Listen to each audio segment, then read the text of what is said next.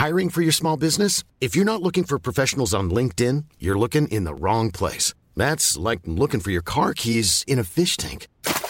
LinkedIn helps you hire professionals you can't find anywhere else, even those who aren't actively searching for a new job but might be open to the perfect role. In a given month, over 70% of LinkedIn users don't even visit other leading job sites. So start looking in the right place. With LinkedIn, you can hire professionals like a professional. Post your free job on linkedin.com slash people today. Música En usynlig skulptur ble solgt for 150 000 kroner. Dansk kunstner stakk av med penger han lånte fra et galleri, og kalte det for et kunstprosjekt. En håndskrevet kryptokunstkrusedull ble solgt for over to millioner kroner, og sånn går nå dagene. Har det blitt for enkelt å kalle hva som helst for kunst? Mediekritiker Anki Gerhardsen etterlyser debatt om hvorfor den svenske kunstneren Lars Wilks sine Mohammed-karikaturer ikke vises i norsk presse. Mange medier har omtalt hans dødsfall, men tilnærmet ingen har vist karikaturen som Wilks ble kjent for. Burde norske aviser trykke Lars Wilks sine Mohammed-karikaturer?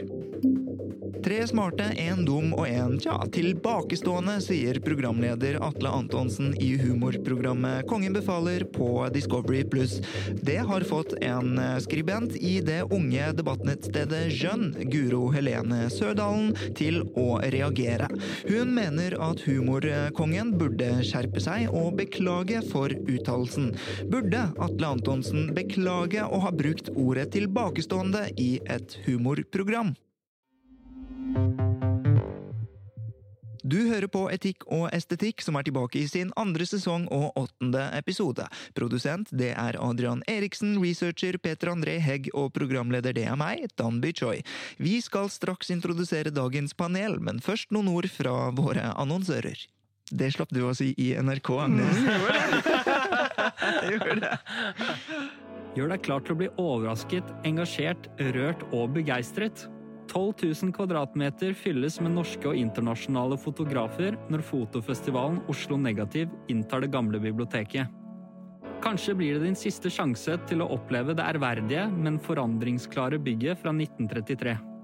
Fra 1. til 24. oktober kan du se og oppleve over 100 ulike fotografer, og det blir talks, Klubb Positiv og festivalkafé med alle rettigheter. Les mer på oslonegativ.no.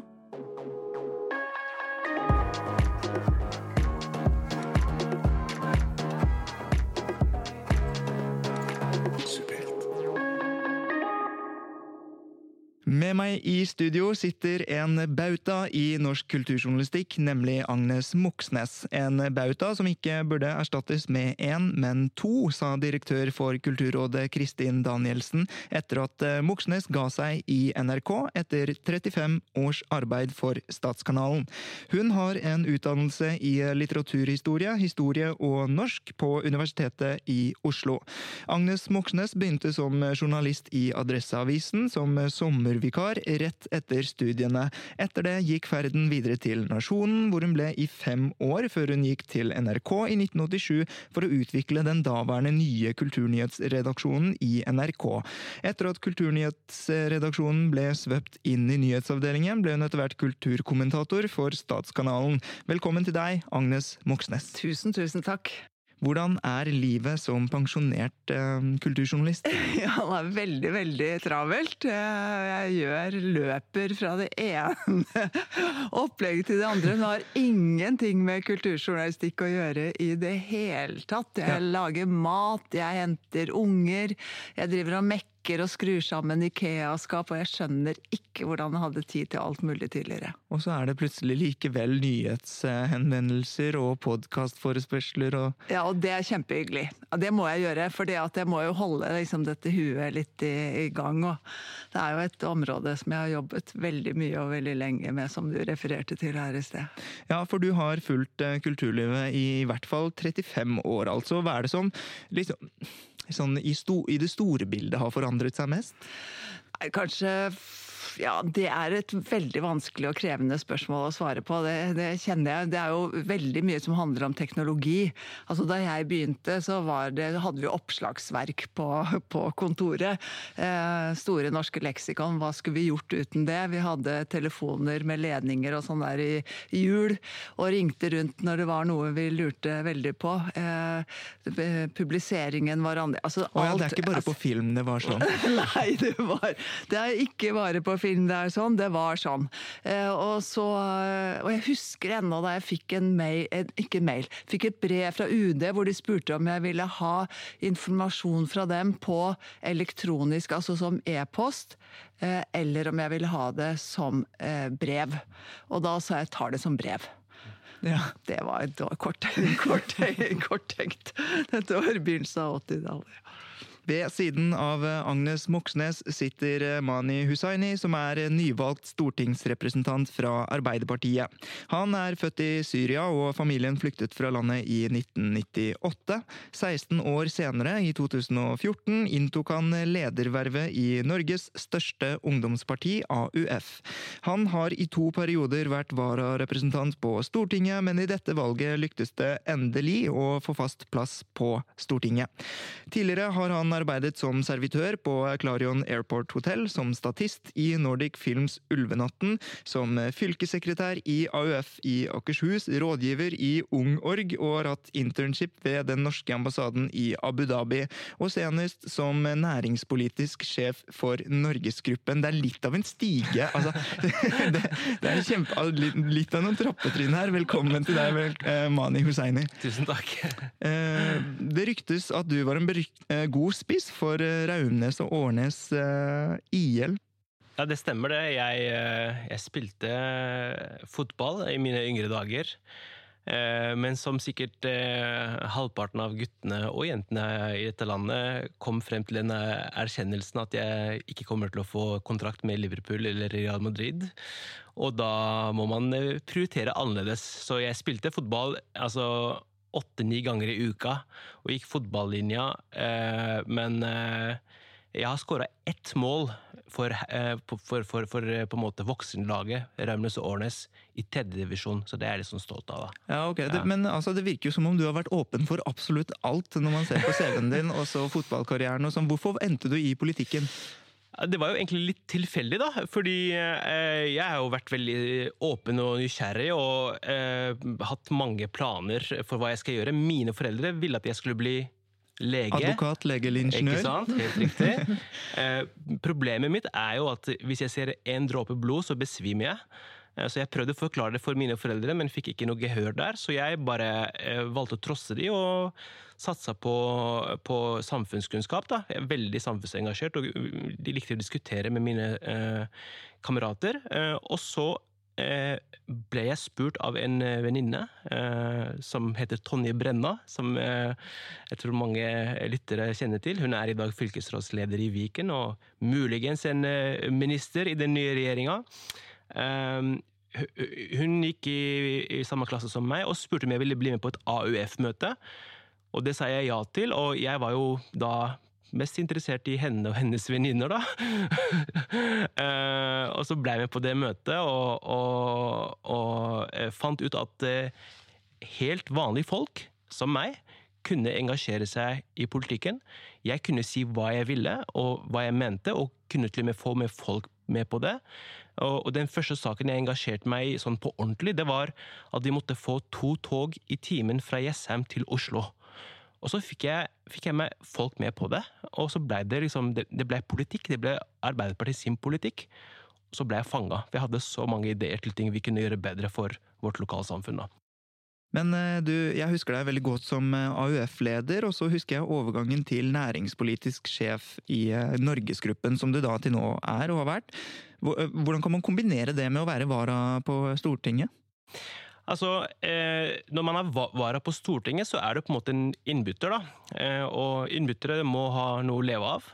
Eh, så jeg ble, jeg, ble, spurt av Norgesgruppen om jeg var interessert i å jobbe for dem, og det sa jeg ja til på strak arm, fordi Eh, det jobber 45 000 mennesker i det selskapet rundt der. Eh, butikker overalt og verdiskapning overalt, og ville veldig gjerne være med på, på, på det laget. Også med en visshet om at innbytteren måtte når som helst bli kasta inn på Stortinget og ta en av fem komiteer som jeg kunne havne i, fordi kunne vært eh, vara for fem stykker. Men jeg har faktisk ikke vært inne som vara siden 2019, hvis jeg ikke husker feil. Så det har på en måte aldri vært eh, aktuelt. Jeg er nå har permisjon fra Norgesgruppen. Eh, og, og, er inne da som stortingsrepresentant for Arbeiderpartiet. Men jeg husker hvor jeg kommer fra, og jeg tar med all erfaring jeg har fra dagligvare, fra, fra, fra landbruksfamilien som jeg har jobba i de siste tre-fire åra. Eh, og det er vel sånn det er. Alle som er inne på Stortinget, eh, har den bakgrunnen med seg, om de vil eller ikke. Eh, jeg har også servitørbakgrunn med, med meg, så hvis det er ting som skal serveres på gruppemøtene så er jeg den første til å vise skills med å stable tallerkener og Det er vel det vi er. Alle vil ta med alle erfaringer og all kunnskap i den, det nye vi skal gjøre, om vi vil eller ikke. Og det er bare fint, det. Hvilken komité har du lyst til å komme i, da? Og nå skal jeg avsløre litt statshemmeligheter. Vi spøkte om det før podkasten starta, at vi ikke skulle gjøre det. Jeg, jeg, jeg, har søkt meg til næringskomiteen, fordi det er, liksom, det er der jeg har ferskest um, erfaring og kunnskap, og kjenner mange. Og så har jeg ønska meg til uh, kunnskap, fordi det er kanskje det feltet jeg mener er den aller, aller viktigste. Det er der vi kan få ned forskjellene mellom folk. og en god skolepolitikk kan på en måte fikse både eh, at folk ikke detter ut av arbeidslivet, det kan være med å redde klimaet ved at det, måte, det skapes nye næringer. Eh, og så er det bra for å få ned forskjeller mellom folk. Og det tredje er klima. Så da, da, da, har du det. Og hvis jeg ikke havner noe sted, så Eller hvis jeg, hvis jeg, ikke havner i noen av de tre komiteene, så går det helt fint. Jeg tenker at Da spiller jeg, du fotball? Da går jeg tilbake til Raunes Årnes. Veldig bra. Og med det kan vi gå over til dagens eh, første tema. Jeg heter Sofie Elise, og du hører på Etikk og estetikk, en podkast fra Subjekt.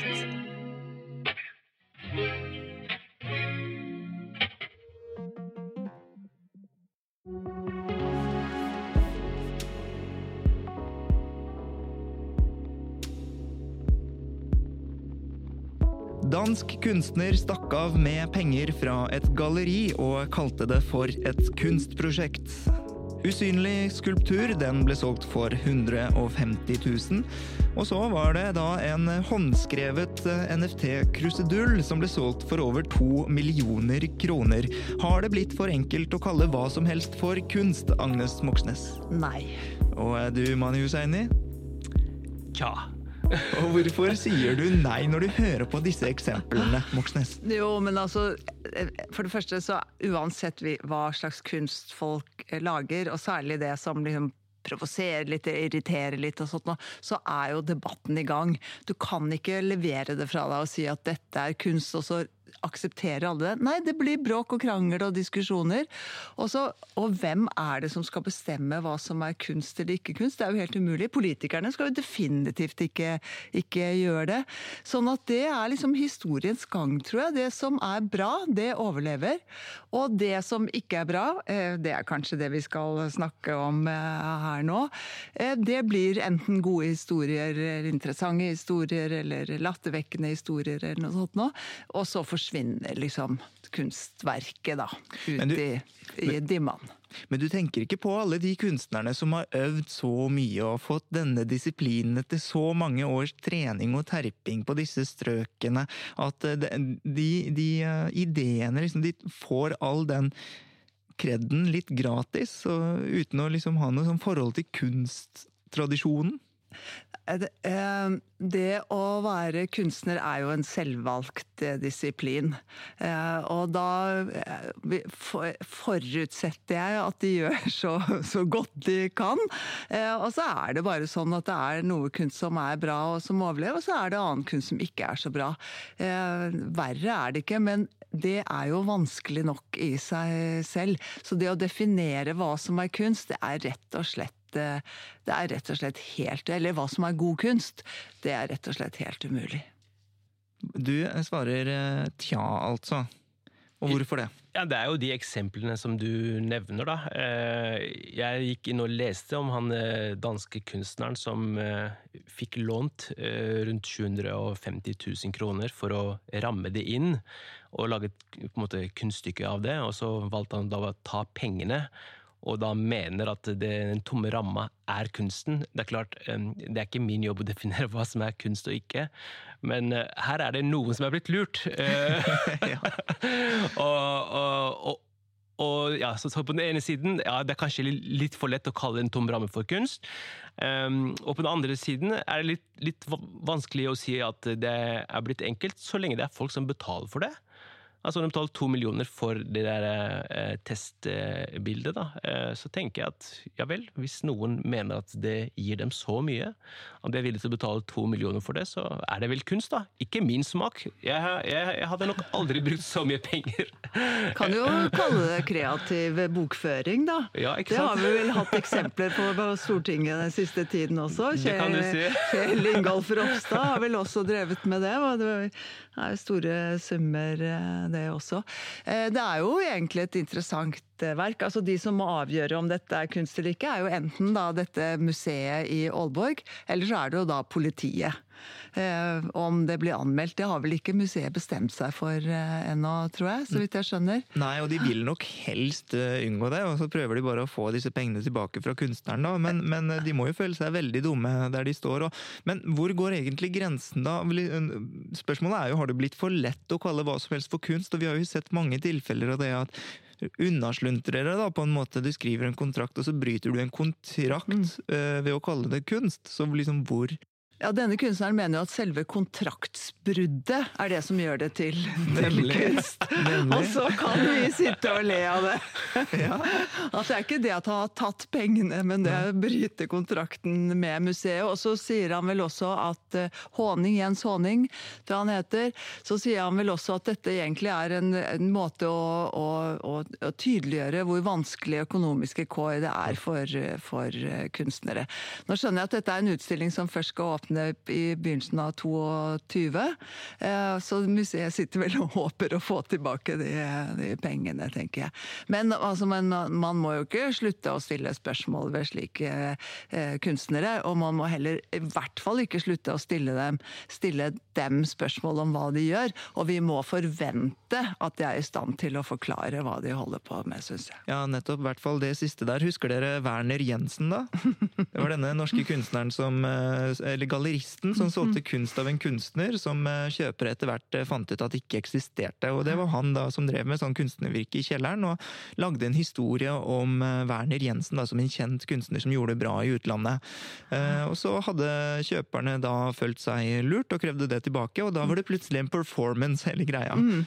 Um, men, men han, eh, han, eh, dansken, da, Honning, eh, han har jo iallfall klart å skape oppmerksomhet mm. om situasjonen for kunstnere. For det, det er det jeg sitter igjen med. Ja da, det er på en måte en, en, en statement, en, en, aksjon. Han har på en måte kalt for kunst, men kunststykket her, det er jo at han har fått oppmerksomhet rundt rundt vilkårene for, for, kunstnere. Ja, og Dette kan jo bli en sak i Stortinget også, fordi at jeg regner med at nå må det komme en kunstnermelding.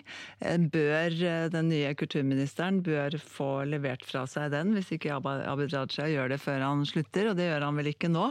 Og da er jo et av liksom de viktigste temaene der er jo hva slags kompensasjon skal kunstnere få når de stiller ut kunsten sin på, på norske museer og, og gallerier. Så dette blir et tema som du må forholde deg til. Det blir et tema, men jeg, jeg, jeg lurer på om han Håding Skal vi holde oss litt, litt unna med det? Ja, hvorfor det? Jeg kan jo ta alle penger og, og, gi oss noe tomt tilbake, eh, og kalle det for kunst. Jeg vet ikke. Men så har du jo det eksempelet også som du viste til her, det som er Test. Ja. Som er et sånn kryptokunstverk. Hvor noen har skrevet test, og så er det en test. Jeg vet ikke når den ble laget, men det er vel ikke så lang tid siden. Og da hadde jeg tenkt på da liksom den første eh, mailen kom, altså ble sendt, det var på begynnelsen av 70-tallet, men eh, da var det jo to datamaskiner ved siden av hverandre som kommuniserte. Eh, på, I i 83 eh, så ble det sendt en mail fra eh, Stockholm til Nederland, tror jeg. Eh, og den het bare Hello. Og det er jo en sentral eh, happening altså Ja, ja, ja. Da skjedde det noe. Så når du slår, går til oppslagsverkene da, nå, så står jo det referert til. Så, sånn at dette test dette testbildet som ble solgt som kryptokunst, det har jo faktisk en, en historisk interesse også. Nettopp, og kunst eh, blir jo etter hvert bare det. liksom Minner fra tiden. Og det som er med den test, det er jo egentlig veldig likt. Det var altså en helt ny NFT-plattform, eh, altså kryptokunstverkplattform, som skulle sjekke om det funka å laste opp sånne kryptokunstverk der. da, Så de lastet opp denne testen. Så ser man at det er skrevet med sånn håndskrevet digital penn. Eh, Og så var det da etter hvert en auksjon, og den solgt for to millioner. Og det er jo et eh, objekt man vil huske, helt sikkert, og som noen vil betale for. Um, du nevnte at um, politikere skal, skal i hvert fall ikke få lov til å definere kunst. Kan du forklare hvorfor det er sånn? Eh, Nei, vi hadde jo en sak nå med et eh, teaterstykke som het Ways of eh, Seeing, som kontroversielt og førte jo til, altså, til helt utrolig, en helt utrolig historie. Men da gikk jo Fremskrittspartiet inn og ville stoppe overføringene til, til den teatergruppen. Først scenen, Blackboxen og teatergruppen. Eh, Og, og, da, og det var egentlig en ganske interessant diskusjon, eller oppfrisking av hvorfor det er slik at politikere ikke skal legge seg opp i hva slags kunst som eh, skapes. Eh, det er politikernes jobb er å sikre at det kommer noe penger inn i, i budsjettene, og så er det kunstnerne og deres organisasjoner og, og marked og osv. osv. som skal eh, styre med, kunstens For at man ikke skal få innhold. propagandakunst, rett og slett, og Ja. at det ikke bare gis penger til statens uh, Vi er uttrykk. ikke så glad i propagandakunst. Selv om jeg jo mener at det faktisk lages propagandakunst i Norge også. At kunstnerne hører på hva politikerne, hvilke signaler som kommer fra politikerne. Men, men dette er en kjempekrevende og interessant diskusjon, men det er altså ikke politikernes jobb. Så det må du holde deg langt unna i de fire årene som kommer. Og det er jeg helt enig i. Det er helt enig. Apropos Så det var litt frekt av meg å invitere deg til dette spørsmålet, nesten. Fordi du må nesten gi deg selv eh, på en måte munnkurv. Nei, da, nei, det handler ikke om munnkurv, men det handler om å ha eh, respekt for, eh, for eh, eh, eh, kunsten, og det må ha respekt for den, eh, de ytringene og det som skapes. da. Og hvis, det, kan, det kan jo ikke være sånn at hvis man blir eh, eh, hvis man blir fornærma, eh, da skal man kutte i støtte, eller at man da skal eh, måtte la, lage baluba, som eh, har vært i det tilfellet her. da. Det kan ikke være sånn. Jeg, altså, bare for å ta litt sånn egen historie her, da. Eh, jeg og min familie flykta fra Syria. Fordi eh, mitt morsmål, kurdisk, eh, var ulovlig. Fordi faren min lagde sånn politiske møter hjemme eh, med livet som innsats, og skrev og, og, og, og jeg husker, jeg var jo blitt liten, men jeg husker at voksne folk satt og diskuterte ytringsfrihet og demokrati som fjerne utopier. Eh, Ikke sant? Eh, Og når jeg nå på en måte har vært så heldig at eh, vi, vi fikk lov til å bo i Norge, og vi fikk beskyttelse fra Norge, så ser jeg på det som min oppgave å verne om de liberale verdiene i demokrati og ytringsfrihet. Så for å si noe, En kunstner kan fornærme meg så mye han eller hun eller de vil, men jeg, kommer aldri, jeg kommer aldri til å tenke at da, da må vi kutte i støtte, eller da skal vi boikotte. Da, da mener jeg at man, er- ja, man ikke henger med i tida, rett og slett.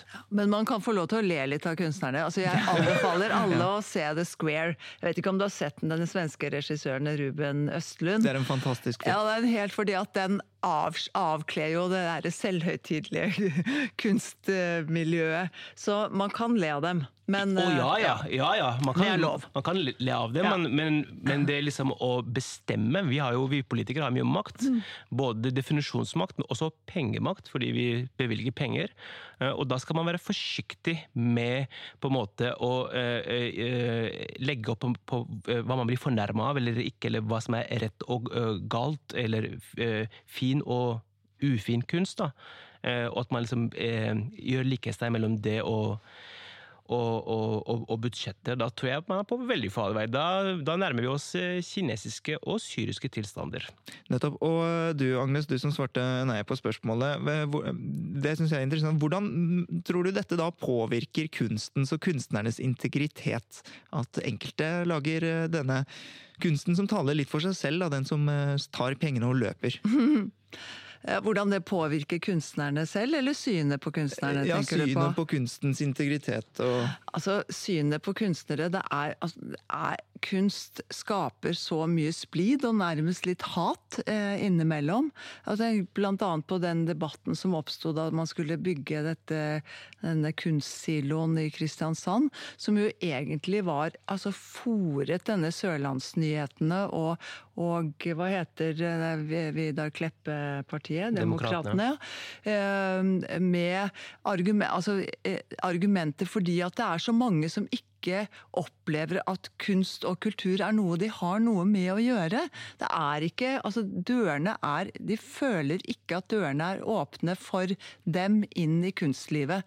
Og det er en oppgave som kunst og, og kunstnere også må, og de som administrerer og driver disse institusjonene, er nødt til å ta på alvor. Og det er at eh, det er mange flere som fortjener å få lov til å, å oppleve kunst. Eh, gå, gjerne bli provosert og irritert og sånt, men at man kanskje kan ta en samtale om det. da, eh, Og snakke om det, og, og kanskje bli litt, eh, litt, eh, klokere. Ja, fordi situasjonen i dag er jo at man, altså, partene er så langt unna hverandre, mm. og det har vi sett i denne sløseriombudsmannen-debatten. da, At liksom de som ikke forstår kunstnere, de kaller jo kunstnere for eliten. og mm. at de sånn, har elitistisk sånn kunstforståelse, og de andre har ikke skjønt noen ting.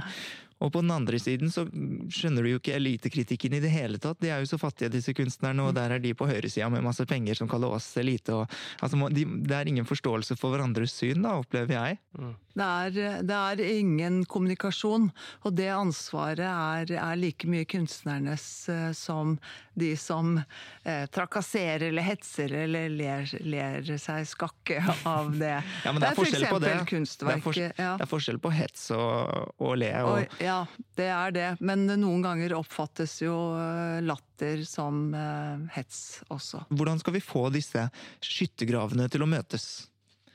Mani Hussaini. Ja, jeg tenker at det er viktig at uh, både kunst og kultur uh, senker terskelen for at flere får lov til å delta i nettopp uh, kunstverk eller teaterstykker. Her, hvis jeg kan få lov til å nevne et eksempel. Da. Jeg tok med min datter på et teaterstykke på Folketeatret på Youngstorget. Og eh, av 300 eh, publikummere så var det bare jeg og henne som hadde jeg kaller det for eksotisk hudfarge. Ja. Eh, og, det, og, det, tenker jeg er veldig synd, fordi eh, flere bør få lov til å delta i eh, kulturen, i, i, se kunsten. Eh, så der tenker jeg Agnes, at vi, at vi har en jobb å gjøre mm. med å senke terskelen for å se, og det tror jeg kan være med å øke forståelsen for disse såkalte fattige kunstnerne. Eller at, at, det, eh, at kunst eh, krever veldig mye, mye, eh, av de som jobber med det. At de skuespillerne som sto på scenen på Folketeatret Altså, fy søren, så flinke. Og, og Du kjører samme showet to-tre uker på rad, og så reiser du rundt, og så holder du på. Jeg tror at man kanskje får mer forståelse av at man faktisk ser det, og får lov til å ta, ta del i det. Mm. Ja, Det viktigste er jo rett og slett å få folk inn. Dere mm. gikk og så det. Mm. Var fornøyde, syns det var storartet. Går kanskje en gang til. Men man, skal, ja. men man skal være så integrert at man mm. sitter på Stortinget for at, uh, man skal komme og se på teater, altså. For når man er utlending. Ja, men, ja, men, ja, men det er et godt poeng. Nei, det, det, var jo fordi vi ser på barne-TV, og vi hører på lydbøker hjemme, og så var dette med Det var jo Kardemommeby, da, vi, vi så på, på, på teater. Og, da, og og så når, når det var ute, så tenkte vi fy søren, 500 spenn per billett, det er ganske mye. ass. Så de, vi snakka faktisk litt om det, men så tenkte jeg ok, vi gjør det, da. Eh, og sånn tror jeg Jeg tror mange syns det er veldig dyrt. Eh, så Men Tre-fire halvliter, er det det? det er helt riktig. Ja. jo, men mange, mange syns det er dyrt, og det er derfor liksom mange ikke skjønner da, den diskursen om at eh, kunstnere kanskje ikke har så mye penger. Eh, ikke sant? Jeg tipper at de mesteparten av de pengene går jo til, eh, til eh, å sette opp forestillingen og til leie av lokaler og teknikere og, så- videre, så det blir en veldig liten del av kaka da, som går til kunstneren. Men eh, eh, likevel så, så, så tenkte jeg når vi var ferdig med, med den forestillingen, at det var en fantastisk forestilling, og at flere bør se det. Så jeg skal i hvert fall gjøre mitt som politiker, da, for at flere eh, eh, kan få lov til å ta del i kunsten og kulturen. Så der har du et politisk løfte. Og med det kan vi gå over til dagens andre tema. Vil du og din institusjon være synlig der hvor publikum leter etter hva som gjelder akkurat nå? Nå kan denne reklameplassen bli din. Ta kontakt med annonse at subjekt.no, eller ring 02469 for en uforpliktende prat om hvordan du kan nå ut til et kulturkonsumerende og opinionspåvirkende publikum.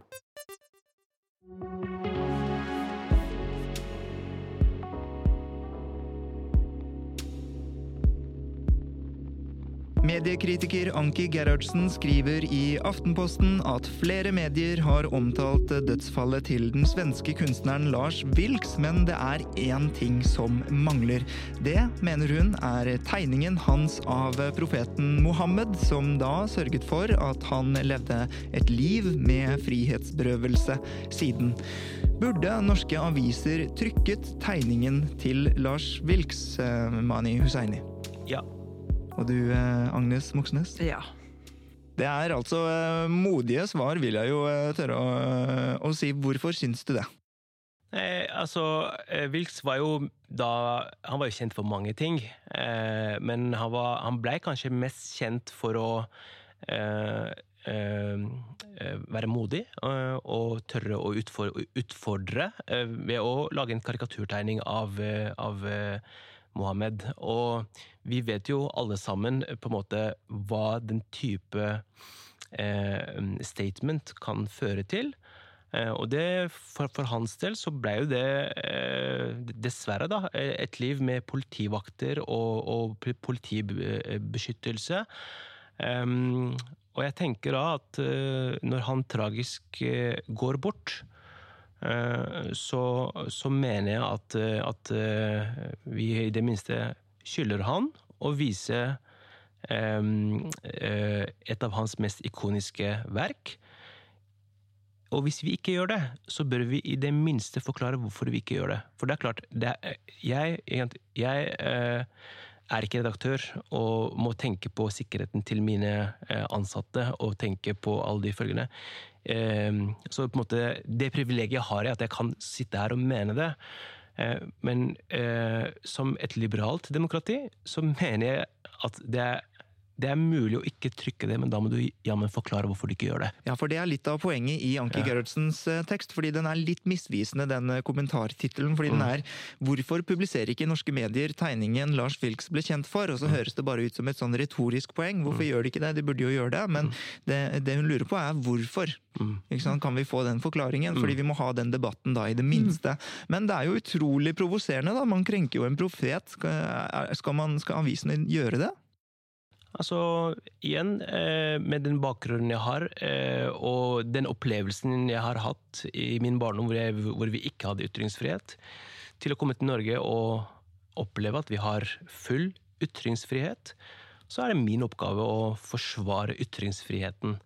Eh, og igjen, det er avveininger eh, hele tiden på hva man skal trykke og ikke trykke, og på en måte hvilke knapper man trykker på.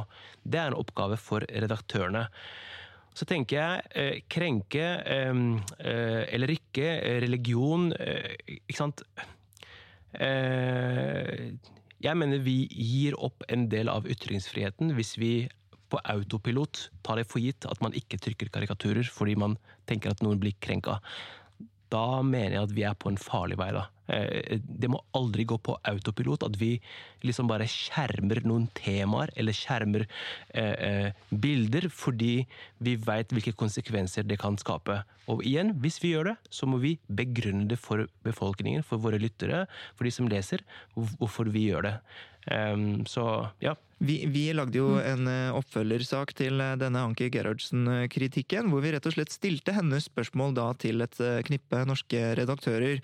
Og i forbindelse med det så lagde vi jo saken 'Hvorfor eh, publiserer ikke norske medier tegningen?' Og så svarer redaktørene redaktøren at hvis det er relevant, så må man jo gjøre det. Og så gjorde jeg en vurdering, og så var det liksom ja, her, er det i hvert fall relevant. Og så begynte jeg å tenke på hva er det som hindrer meg? Det, jo, eh, selvfølgelig må vi være prinsippfaste, men så var det jaggu også sikkerhet å tenke på, og det er jo uansvarlig på sin side også å, å gjøre noe direkte farlig. Altså, jeg ringte politiet og varslet om at vi hadde publisert en, en kollasj da, hvor den var inkludert og sånn. Det er jo direkte farlig. Skal mediene trosse sikkerheten da, Agnes Moxnes? Jeg syns at dette er en det er nesten litt sånn ironisk at i dag så er, har Nobels fredspris gitt gått til to journalister eh, som lever et farlig liv. Og det er ytringsfriheten som er liksom begrunnelsen og, og, eh, for at de har fått, altså at pressen nå har fått denne prisen. Eh, og så samtidig så ser vi da hvordan de vestlige mediene argumenterer med frykt for å la være å trykke eh, karikaturtegningen og denne tegningen av denne rundkjøringshunden til den enkle lille strektegningen til eh, Lars Vilks, eh, og begrunner det med, med sikkerhet. Det, altså det blir jo så i det blir, altså det blir stilt i så stor kontrast til det livet som leves da på med Maria Reza i Filippinene og Dmitrij Muratov i, i Russland, som, som lever med den frykten hele tiden. Ja, men, hva mener du er kontrasten der? Wilks levde jo i den kontra Ja, nei, men jeg mener at vi i den norske altså Ja. mediesituasjonen, vi velger å la være å trykke fordi vi er redde. Eh, og det er jo det som er liksom ytringsfrihetens store eh, altså Det er jo det som er det krevende med ytringsfrihet. Det er jo at du er nødt til å tørre. Altså Når du forteller om hvordan det var din oppvekst, eh, hva du kunne si og hva du ikke kunne si. For oss så er det liksom Vi føler veldig sterkt at vi kan si hva vi vil. Men vi kan ikke det, fordi at akkurat nå så er liksom mye av det, de vurderingene som gjøres i, i norske mediehus, de styres av redsel for ekstremister. Det er et tankekors akkurat nettopp akkurat i dag, syns jeg. Og, og problemet er sant, at når man først har eh, eh, selvsensurert seg, hvorfor skal man stoppe der? Neste gang noen blir krenka Og jeg, jeg må bare si at jeg kommer ikke på et eksempel som kan skape like mye eh, Eller like voldsomme reaksjoner som karikaturtegningene gjorde. Men likevel, eh, hvis vi begynner på en sånn spor hvor vi selvsensurerer oss fordi eh, vi ikke på en måte ønsker å sette våre ansatte i fare, og sånn med tanke på sikkerhet, så er jeg, er jeg redd for at det er bare starten. Da kan det være flere ting som? Neste gang du får en demonstrasjon mot deg, og, og, og skal du da liksom la være å nevne det temaet, da?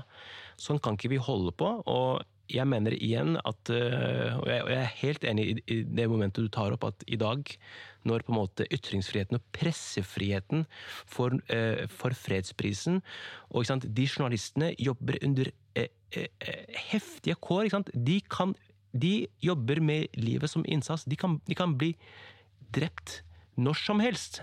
Fordi de er journalister, og fordi de forteller og formidler sannheten.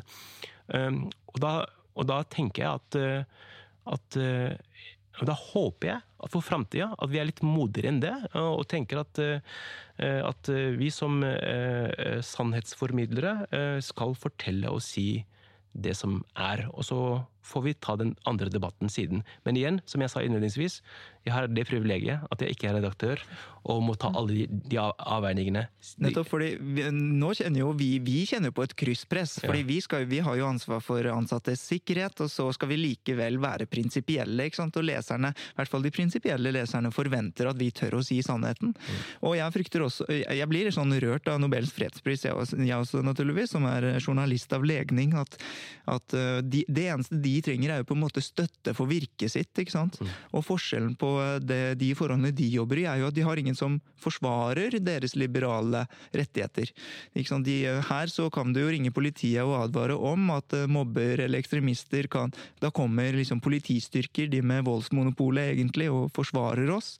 Men det er det jo ikke i andre land hvor man eh, liksom eh, avdekker korrupsjon blant de som har voldsmonopolet, da, eksempel.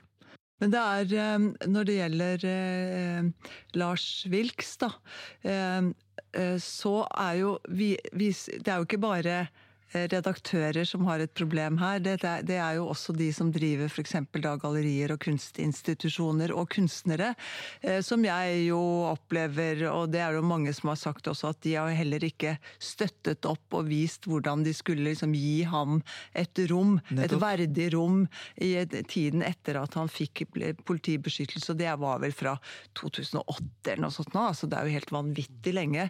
13 år. Eh, Men, men det, for det startet jo denne lille tegningen, den skulle jo egentlig stilles ut i et galleri, jeg tror det var i Skåne. Eh, Og så ble de redde, for dette var jo da et år etter eh, Ja, det var jo forlengelsen av karikaturstriden, selvfølgelig, i 2006 eller 2007. Og så, og så tør ikke de å gjøre det, og så er det da en avis som oppdager at her er de Her våger ikke den blir sensurert. Og så lager de et oppslag og viser den tegningen. Og dermed så er hans liv altså totalt snudd på, på hodet. Uh, så nei, så det er jo veldig mange vurderinger som, som må tas, og, og, og, og vanskelige vurderinger også. Men, men man kan, det, holder ikke, det holder liksom ikke å stikke huet i, i sanden heller. Det er eh, Man kommer ikke noen vei på den måten. Det er ikke noe særlig helt modig i hvert fall. Men, men, men Danby, jeg skjønner jo altså Ja, her sitter du bak åpne, fine vinduer og Nettopp. Ja. Nettopp. Også, også, um, men men, uh, problemstillingen her er også Det var en kunstner som publiserte et debattinnlegg uh, her om dagen, og det var en veldig fin tittel i uh, Subjekt med hva som er farlig med selvsensur, og det er jo det at man gjemmer det som er grunnen til press. da. Så man får mørketall, rett og slett. Man, mm. og det er jo det Anki Gerhardsen etterspør. Man hun sier ikke bare 'hvorfor gjør dere ikke dette, er dere pingler'? Hun bare lurer på 'hvorfor gjør dere det ikke'? Fordi vi må vite det, da. I det minste for offentligheten må offentligheten få vite det. For da, da har man jo på en måte kommet inn på et slags eh, kompromiss, da. At, eh, eh, hvor man skriver rett og slett at det er pga. sikkerhet, eller at uh, her er det et ytringsfrihetsproblem. Jeg husker jo godt da dette her eh, skjedde i 2005 og 2006. Og når du ser liksom på den historien fordi at Først ble jo disse karikaturene publisert i Jyllandsposten. Så kom det reaksjoner fra det muslimske miljøet i Danmark. Og så henvender eh, de danske Eller altså de eh, elleve ambassadører fra muslimske land seg til eh, var Fo- Rasmussen, som var statsminister den gangen. Og så sier han Han bare avviser problemstillingen. Han ser ikke at, at det er at det er at det er, at det er følelser At det er opprørende for den religiøse tenkningen og, og, og tradisjonen at man tegner da eh, profeten. Og så sier Fogh Rasmussen at dette er redaktørenes ansvar, og så eskalerer det. Sånn at jeg syns det er interessant å gå tilbake og se hva, hva var det som skjedde akkurat det øyeblikket der. Men vet du hvorfor Jyllandsposten i det hele tatt hadde de tolv tegningene? Det var jo egentlig, eh, um, det var jo egentlig en barnebok som, eh, som eh, ble skrevet, og eh, eh, redaktøren av denne boka, eller forfatteren, trengte noen bilder, da. Og sendte forespørsel til alle tegnerne om å tegne bilder av Mohammed. Og så fikk, fikk de ikke et eneste bilde. Og det var sånn Jyllandsposten kom over at er det ingen i dette landet her som tør å tegne? Altså, hva har skjedd med oss? Så det var jo på en måte starten for dette her. Så det starta med noe så uskyldig som en barnebok. Og det vil jo si at tegnerne allerede på det tidspunktet visste at dette var kontroversielt. Og jeg husker vi spurte jo Finn Graff den gangen i to, begynnelsen av 2006-tallet. Så spurte han om han ville tegne eh, profeten, og, og det sa han nei, det tør jeg ikke. Og der er det jo da et sånn hull i eh, kreativ- og ytringsfrihetsperspektiv. Da, et sånn svart skygget område. Det går ikke på en måte å trykke eller Og da blir, og, og da blir Anki Garasjens poeng enda viktigere. Ikke sant? Hvor, og dette er hvorfor. Eh, eh, igjen, full forståelse for at mange redaktører eh, ikke trykker det, men da må de iallfall si hvorfor. For det er en viktig del av historien.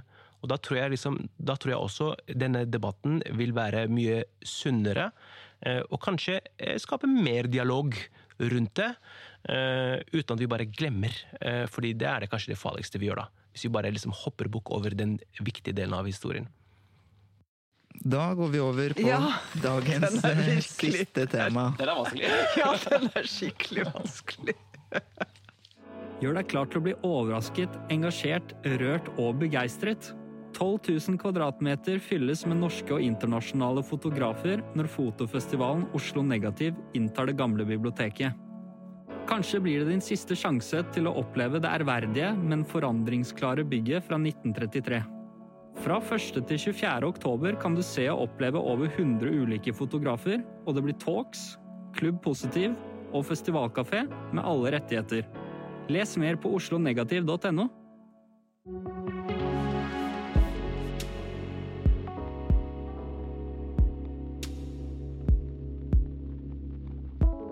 I humorprogrammet Kongen befaler sier Atle Antonsen følgende. Etter denne oppgaven vil jeg si at eh, det er tre smarte, én dum og én tja, tilbakestående. Sitat slutt. Det får skribenten i Jeune, Guro Helene Sørdalen, til å reagere. Hun mener at humorkongen burde skjerpe seg og beklage for uttalelsen. Burde Atle Antonsen beklage Agnes Moxnes? Nei. Og hva synes du, eh, Mani Hussaini? Nei.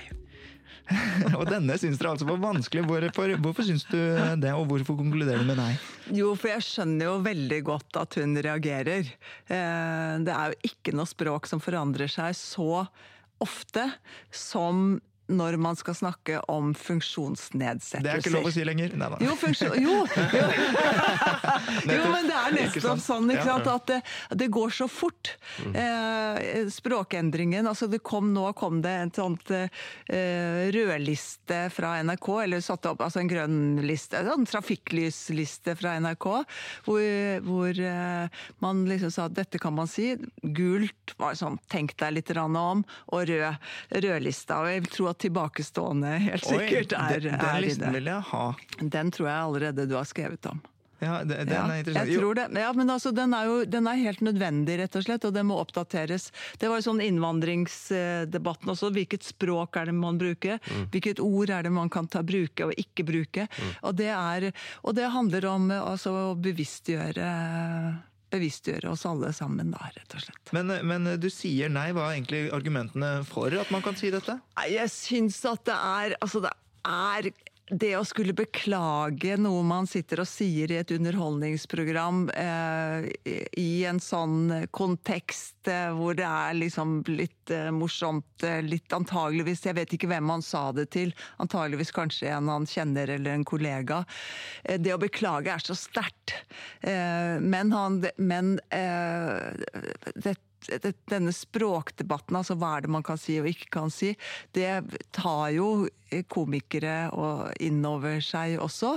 eh, Og må tenke seg om, og så eh, kanskje la være å bruke det. Men altså, jeg er veldig veldig engstelig for at man skal Til slutt så blir du jo så redd når du sitter der. Hvilke ord er det du kan si, og når får du en smekk, liksom? Ja, og Dette er ikke første gang i år, eller i hvert fall de siste året, hvor eh, komikere ikke sant, skal beklage. og Du sier det er sterkt, og jeg er helt eh, enig. Det, det skaper jo en presedens. da, og Det blir veldig liksom, lite ytringsrom for komikere å operere i. Du svarer også at eh, han ikke burde beklage, men, men det er jo en minoritet som absolutt kan føle seg såret av dette. Hva, Altså, eh, nei, han bør ikke beklage, fordi eh, jeg skal ikke sitte her og be en komiker som bør stå fritt til å velge, ulike virkemidler, hva som er lov og ikke lov, og hva som skal beklages og ikke. Igjen til dette med ytringsfrihet.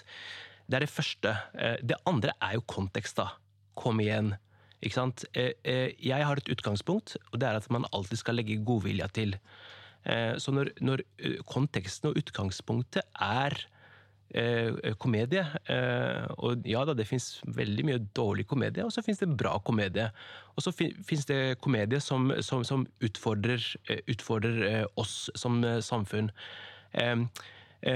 Og da kunne jeg sittet på TV-skjermen og plukka hver eneste på en måte stykke og, og, og på en måte pekt på ulike ting som er problematisk. Det, det kunne vi ha gjort. Så derfor me, mener jeg det å eh, verne om, da, eh, eh, igjen kunsten eh, og, og komikere og eh, rett og slett at de skal få lov til å bruke, bruke hvilke virkemidler de vil.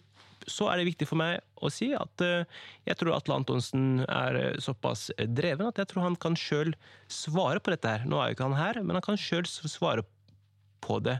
Så det er viktig også at eh, de som bruker de virkemidlene, også deltar i debatten. Men jeg skjønner det. Det er veldig skummelt å si feil ord eller feil begreper, men jeg mener vi ikke kan være det.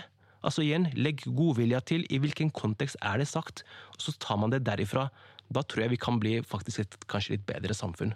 Når du, når du sier at du lever etter å legge godvilja til, så er det liksom Det, det er ikke helt i tiden, eh, slik jeg leser i hvert fall. fordi at det, det er veldig uh, populært om dagen å le, legge vrangvilja til.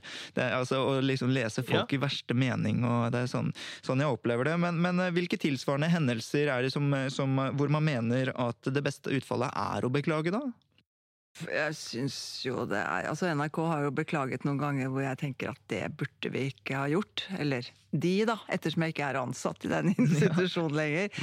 Eh, Det, det er, er Du skal ganske mye til før du skal gjøre å trekke en, en, en serie eller Fordi at det er noe med liksom sånn Ok, dette har vi laget, dette får vi stå for, og så kan man om det skaper altså Det er jo det kunstner Vi startet jo med å snakke om liksom hvor tøffe kan kunstnere være, hvor gale kan de være, hvor sprø kan de være. Ja, men de kan være det. Og de blir på en måte ikke halshugget da, de kan tillate seg å være det. Eh, Og det må også en medieinstitusjon må tørre å våge å stå i noen, eh, noen kamper, fordi at det har makt, og, det, og, og hvis fordi her er det jo Ja, nå hopper jeg litt, kjenner jeg, men det er jo denne lista som jeg viser til, som NRK har utviklet nå, da, og som er en veldig fin liste, handler jo om, den er jo rettet mot journalister.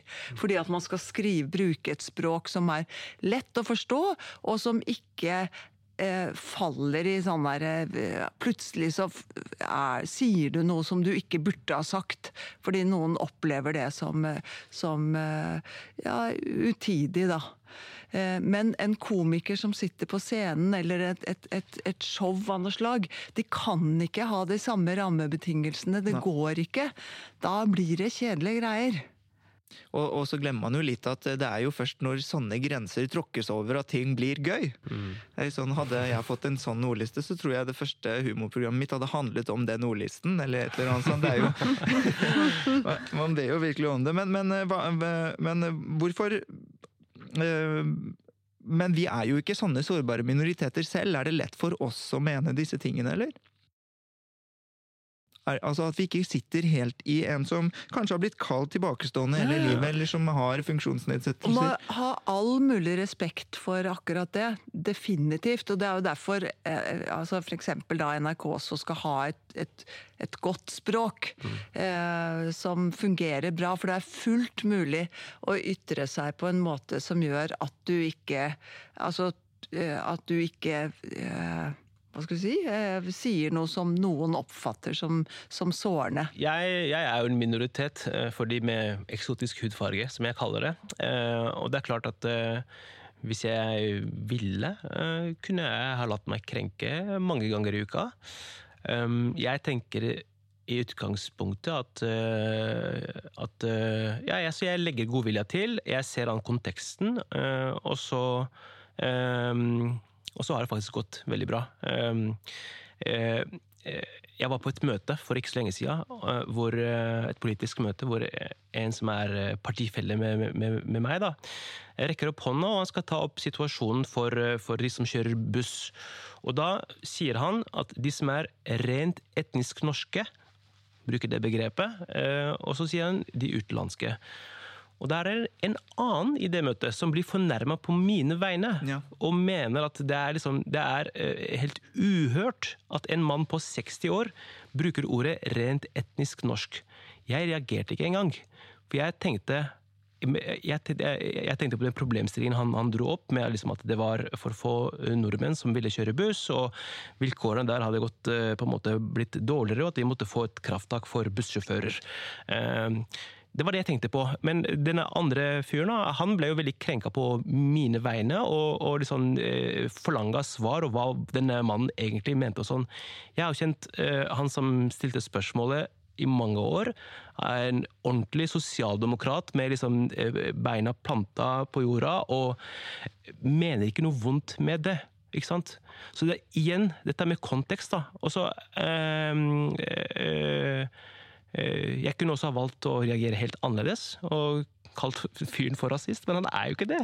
Ja. På, på samme måte som, eh, som Atle Antonsen ikke, jeg, jeg, jeg, velger å tro, tror at han ikke bruker det ordet for å såre mennesker med nedsatt eh, funksjonsevne. Ikke sant? Eh, eh, På samme måte som Espen Eckbo i sin serie 'Nissene på låven' ikke, eh, ikke eh, mente å på en måte være rasistisk. Eh, igjen, da. Legg god vilje til, se an konteksten, og så får du dra slutninger derifra. Og hvis vi skal gå etter komikere eh, og kunstnere, eh, så tror jeg jammen at det er bare å legge ned hele greia. Fordi det er stadig noen som blir krenka. Og det tror jeg ble siste ord i dagens episode av eh, Etikk og estetikk. Du hører på Etikk og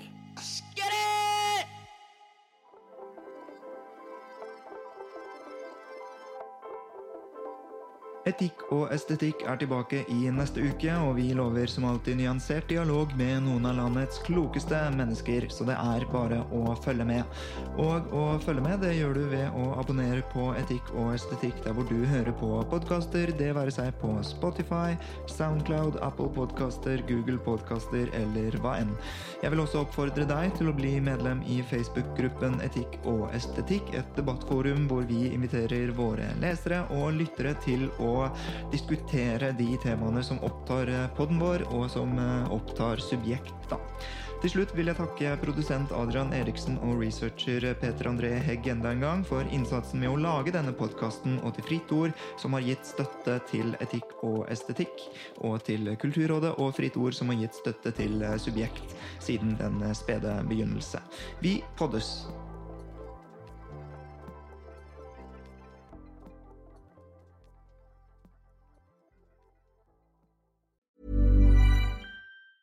Hi, I'm Daniel, founder of Pretty Litter. Did you know cats tend to hide symptoms of sickness and pain? I learned this the hard way after losing my cat, Gingy. So I created Pretty Litter, a health monitoring litter that helps detect early signs of illness by changing colors, saving you money and potentially your cat's life. Pretty Litter is veterinarian developed, and it's the easiest way to keep tabs on your fur baby's health right at home. Go to prettylitter.com and use code ACAST for 20% off your first order and a free cat toy. Terms and conditions apply. See site for details.